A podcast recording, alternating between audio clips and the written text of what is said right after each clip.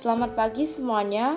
Anda mendengarkan podcast Marsha Karensa Tanuwijaya kelas 5B dari Kinderfield Sunter.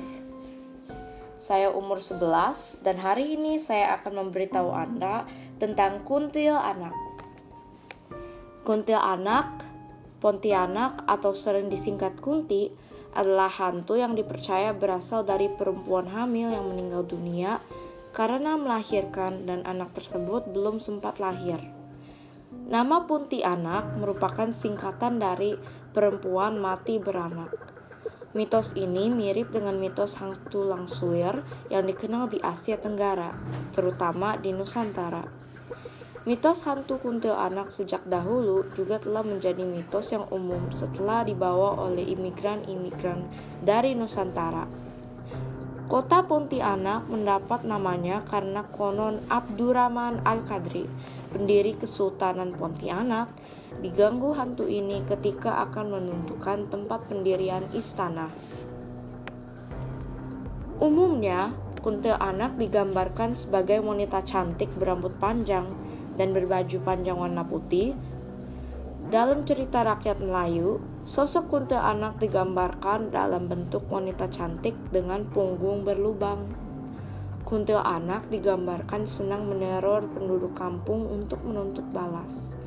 Kuntil anak sewaktu muncul selalu diiringi harum bunga kemboja. Konon laki-laki yang tidak berhati-hati bisa dibunuh sesudah kuntil anak berubah wujud menjadi penghisap darah. Kuntil anak dikatakan sering menjelma sebagai wanita cantik yang berjalan seorang diri di jalan yang sunyi. Oleh karena itu, cerita ini kemungkinan bertujuan menghindari golongan wanita daripada diganggu oleh pemuda-pemuda yang takut akan kuntil anak ketika berjalan seorang diri di jalan yang sunyi. Dalam cerita seram dan film horor di televisi Malaysia, kuntil anak digambarkan membunuh mangsa dengan cara mengisap darah di bagian tengkuk, seperti vampir. Agak berbeda dengan gambaran menurut tradisi Melayu, kuntil anak menurut tradisi Sunda tidak memiliki lubang di punggung. Jenis yang memiliki lubang di punggung sebagaimana deskripsi di atas disebut Sunda bolong. Kuntil anak konon juga menyukai pohon tertentu sebagai tempat bersemayam.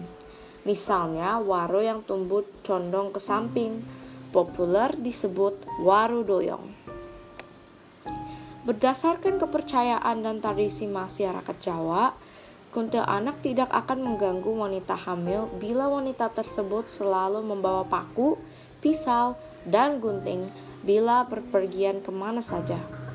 Hal ini menyebabkan seringnya ditemui kebiasaan meletakkan gunting, jarum, dan pisau di dekat tempat tidur bayi. Menurut kepercayaan masyarakat Melayu, Benda tajam seperti paku bisa menangkal serangan kuntil anak. Ketika kuntil anak menyerang, paku ditancapkan di lubang yang ada di belakang leher kuntil anak. Sementara dalam kepercayaan masyarakat Indonesia lainnya, lokasi untuk menancapkan paku bisa bergeser ke bagian atas, bagian ubun-ubun kuntil anak. Di dalam kepercayaan agama Samawi, Islam, Nasrani, dan Yahudi, kuntil anak termasuk dari golongan jin kafir atau setan. Di dalam Islam, kuntil anak termasuk golongan jin dari jenis hafaf. Jin yang suka mengganggu dan menakut-nakuti manusia. Dan arwah, yaitu jin yang mengaku-ngaku sebagai orang yang telah tiada.